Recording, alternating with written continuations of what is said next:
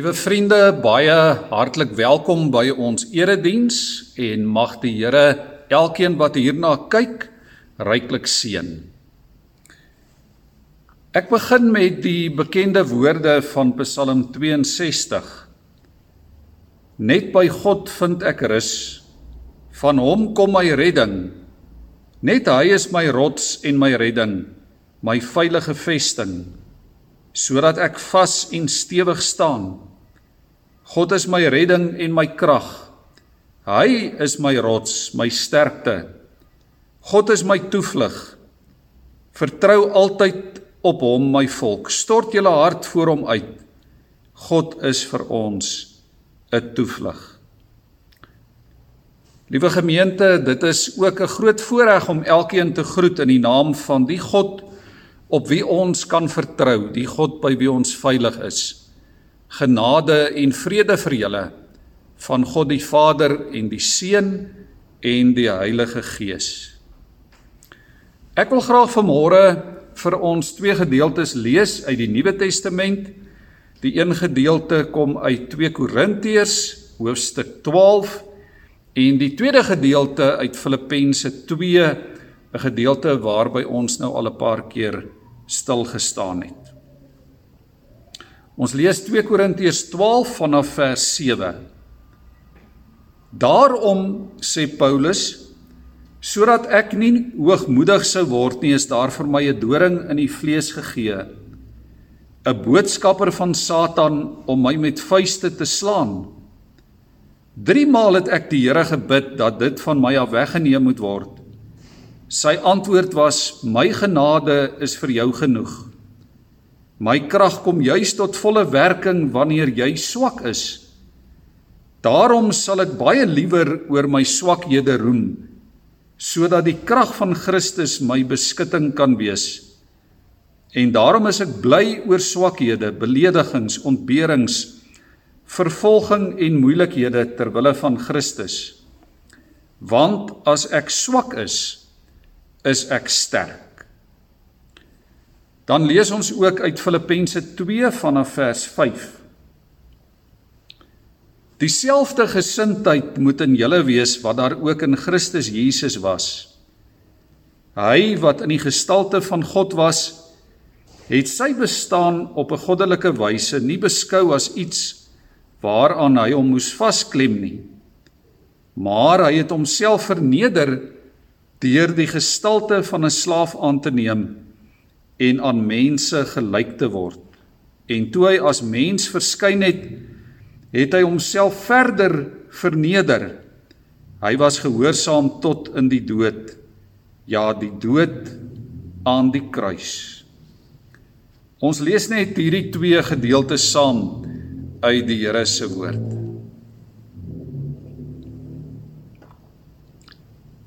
Liewe vriende, kom ons dink vir 'n paar oomblikke oor weerloosheid. Hoe sou jy dalk weerloosheid beskryf of hoe dink jy daaroor? Hoe sou jy dit aan iemand verduidelik? Die Engelse woord is die woord vulnerability. En 'n algemene definisie van weerloosheid sê dit is om naak ook letterlik sonder klere en sonder verdediging aan jou vyande oorgelewer te wees. Dit is om fisies en emosioneel magteloos, kragteloos, swak, onveilig en onbeskermd te wees of te voel. Nou nie een van ons kan ons eie weerloosheid ontken nie. Ons kan dit dalk probeer wegsteek. Ons kan dit wegpraat. Ons kan maak asof dit nie bestaan nie, maar ons kan dit nie ontken nie. Die huidige COVID-19 situasie het in 'n groot mate ons weerloosheid ook blootgelê en na die oppervlak gebring. Dink byvoorbeeld ook, liewe vriende, aan die huidige ekonomiese en politieke klimaat waarin ons is en aan die weerloosheid wat dit tot gevolg het op verskillende vlakke van die lewe. Dink ook aan die hartseer en die armoede, die siekte, die verliese wat baie mense weerloos laat. Daar is ook die brose veiligheidssituasie op ons plase waarin ons boere en hulle gesinne en selfs ook hulle werkers blootgestel is. Daar is die weerloosheid en die broosheid van die natuur. Ook die swak dienslewering en die verval in infrastruktuur waaraan ons blootgestel is wat ons ook in ons eie dorpie die afgelope week of twee beleef het en wat 'n effek dit het in mense se lewens oor die hele spektrum ryk en arm word daardeur beïnvloed. Dink aan korrupsie ten koste van weerlose mense en hoe dit ons almal raak. Daar is ook die bejaardes, die kinders, die vrouens, die gestremdes, die randfigure in die samelewing wat geweldig broos en weerloos is. Ons kan vandag dink aan baie voorbeelde. Daar is ook voorbeelde in jou en in my persoonlike lewens en in ons persoonlike omstandighede. As ons dink aan die Bybel, dan is die Bybel vol verhale van menslike weerloosheid. Ons sien dit daar heel in die begin van die skepping met die sondeval, die weerloosheid, letterlik die naaktheid van Adam en Eva voor God oor hulle oor hulle sonde. Ons sien Abel se weerloosheid voor sy broer Kain wat hom uiteindelik doodmaak.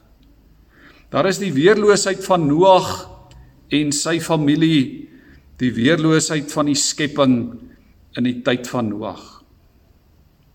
Daar is Abraham en Isak op pad na die offeraltaar. Daar is Moses en die Israeliete in Egipte en in die woestyn. Daar is die volk Israel in ballingskap in die vreemde.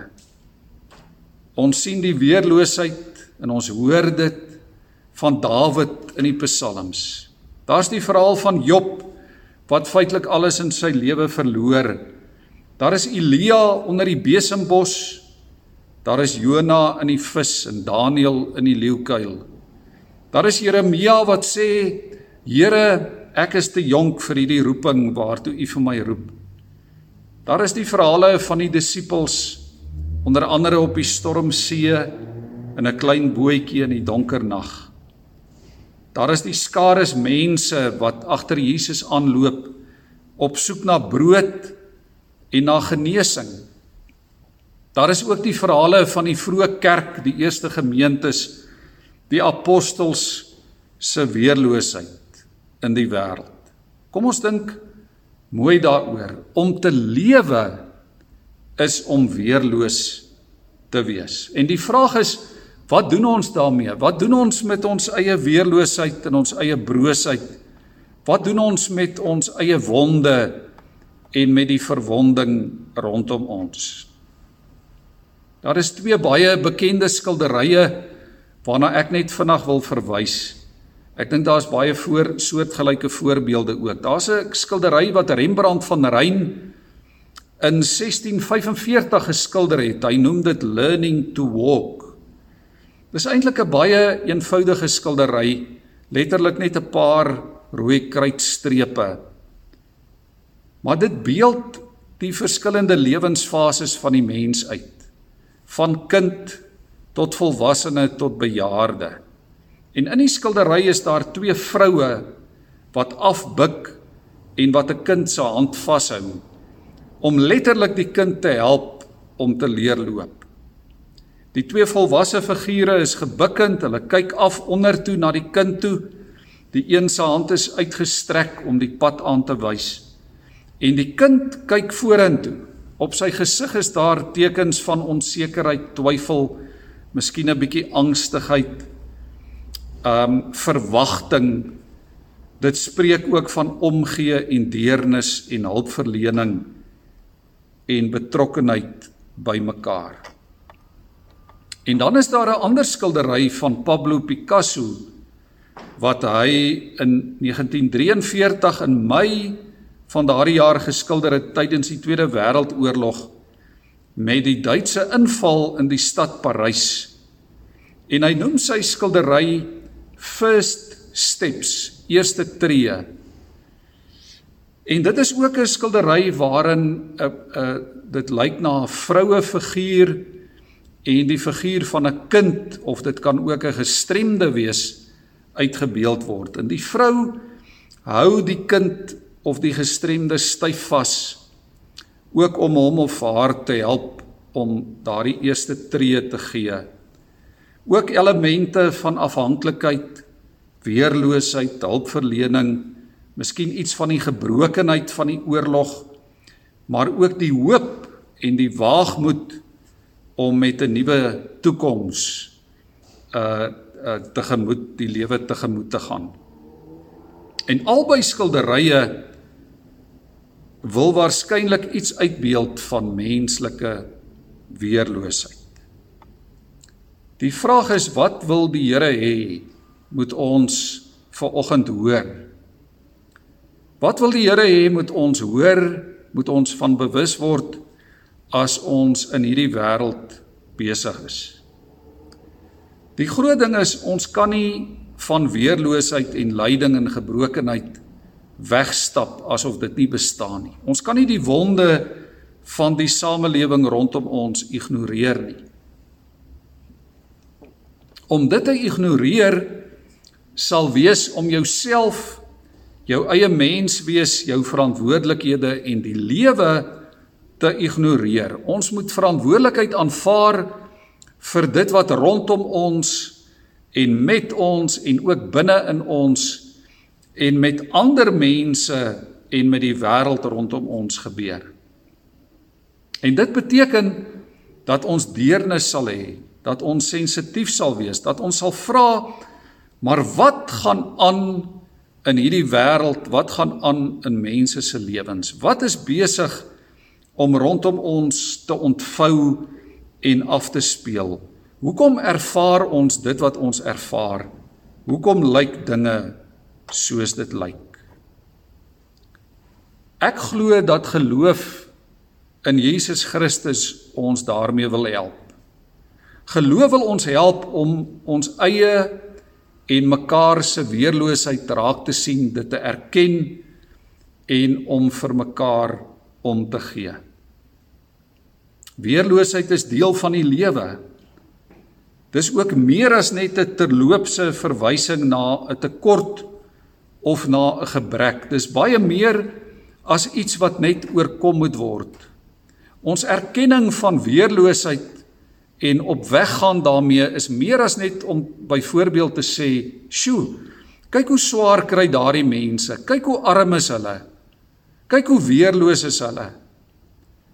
Of om sommer net te sê, "Kom ons help op 'n kortstondige tydelike manier. Kom ons maak 'n klomp broodjies en ons deel dit uit."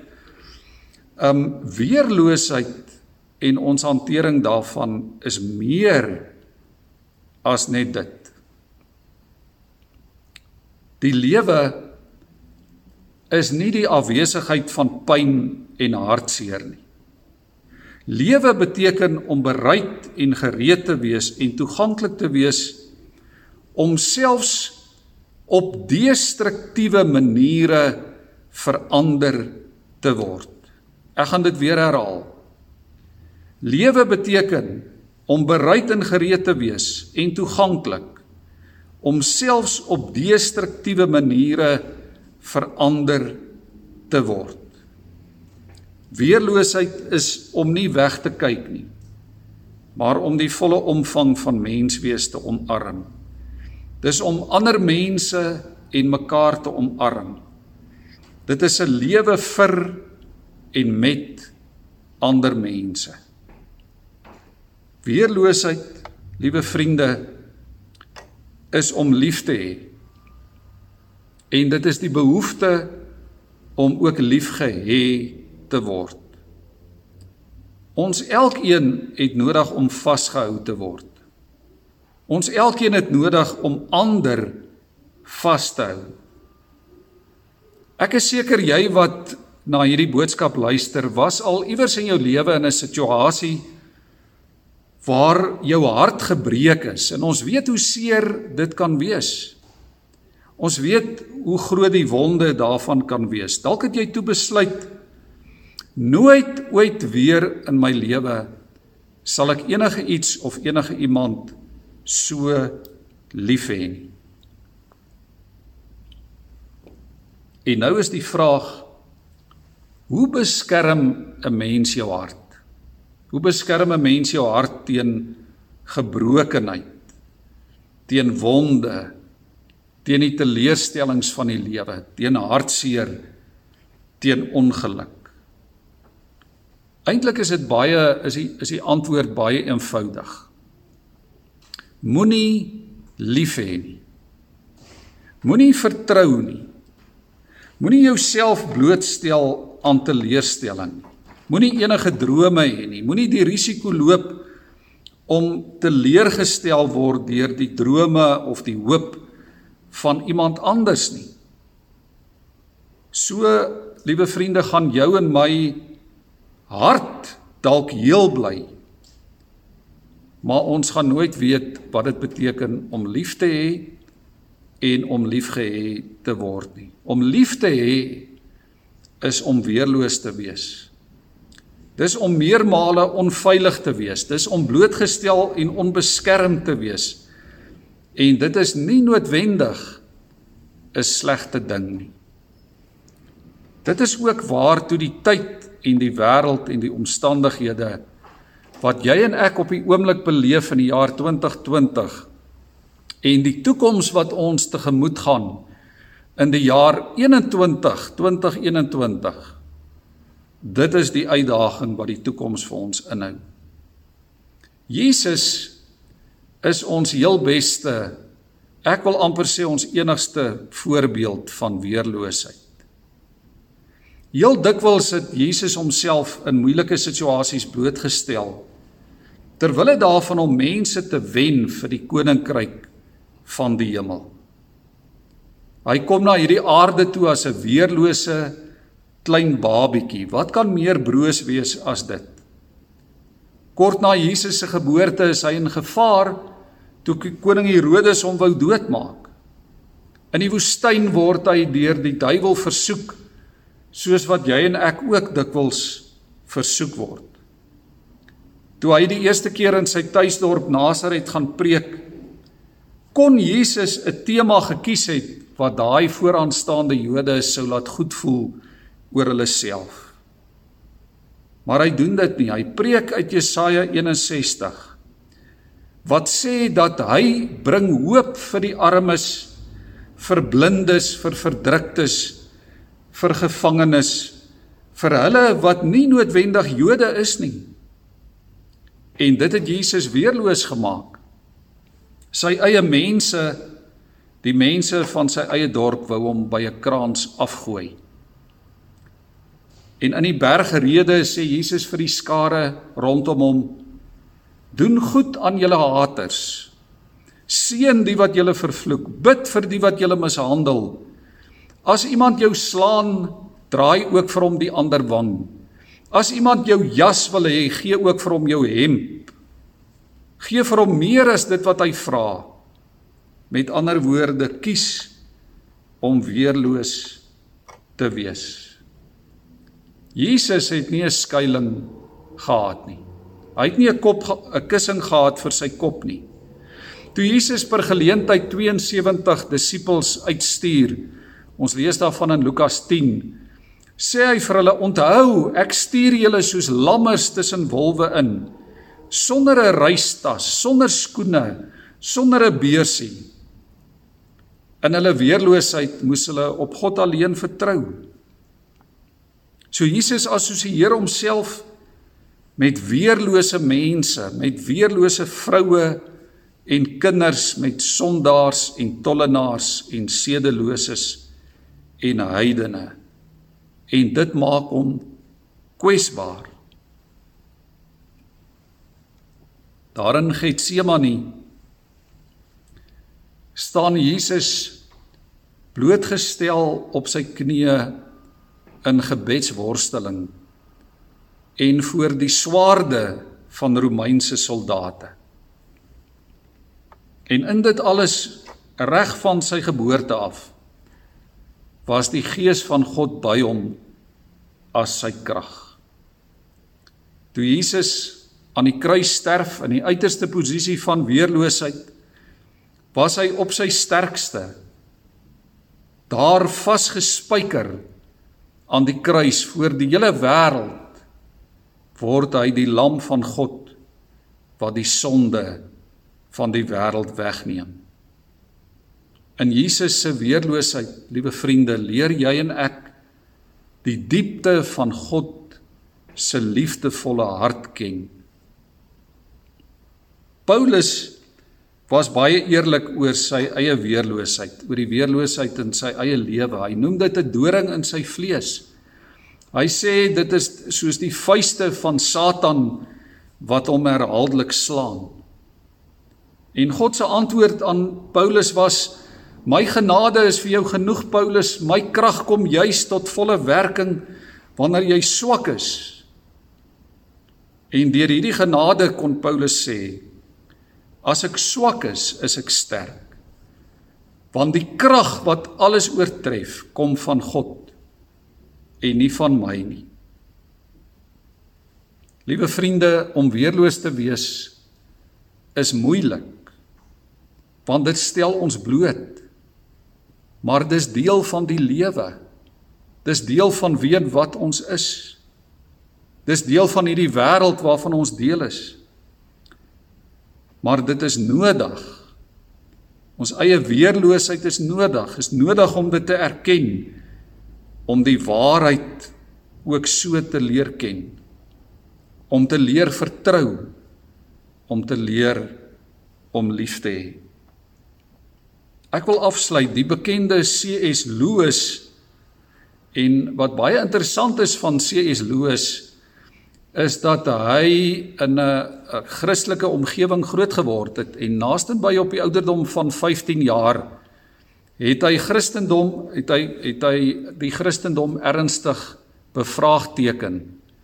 In so mate dat hy by okkulte en by allerlei vreemde praktyke betrokke begin raak het eintlik ateïsties um standpunt ingeneem het en um in sy laat 30s vroeë 40s het hy tot bekering gekom en die Christelike geloof weer omarm. En C.S. Lewis skryf hierdie volgende ding oor weerloosheid en oor liefde. Ek lees dit vir ons in Engels. Hy sê To love at all is to be vulnerable. Love anything and your heart will be wrung and possibly broken. If you want to make sure of keeping it intact, you must give it to no one, not even an animal. Wrap it up carefully round with hobbies and little luxuries. Avoid all entanglements.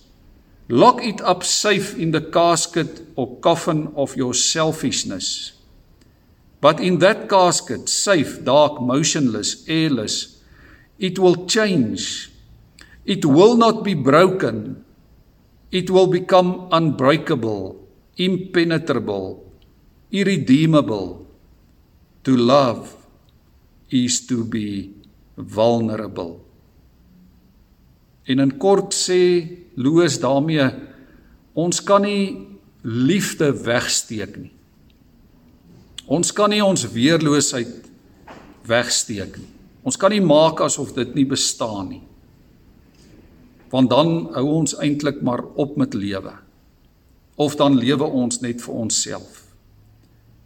Om lief te hê is om weerloos te wees. Liewe vriende, mag die Here ons deur sy goeie gees en deur sy teenwoordigheid help om 'n onselfsugtige weerlose lewe te lei na die voorbeeld van Jesus ons verlosser. Amen. Ek bid vir ons. Here, dankie vir die voorbeeld van u weerloosheid. Dankie dat u 'n weerlose God is. Dat u nie 'n God is wat manipuleer of wat seermaak of wat straf of wat redelose eise aan u kinders stel nie. Here, U het juis een soos ons geword sodat ons U hart kan leer ken. Sodat ons U stem kan hoor, sodat ons U deernis en U omgee liefde kan beleef en kan ervaar. Here leer ons om deur Jesus deur die bril van sy liefde en sy optrede u hart meer en meer te leer ken. Maar Here leer ons bo alles en help ons om deur die voorbeeld en die woorde van Jesus ook ons eie harte en ons eie lewens te leer ken en te evalueer ook na hierdie wêreld en omstandighede rondom ons en ook wat deel is van ons eie lewe te kyk Here en deur die krag en die leiding en die werk van u Gees te ontdek wat dit is wat u wil hê dat ons moet doen. Here, dit is ons gebed. Ons loof en eer u in die naam van Christus, ons verlosser. Amen.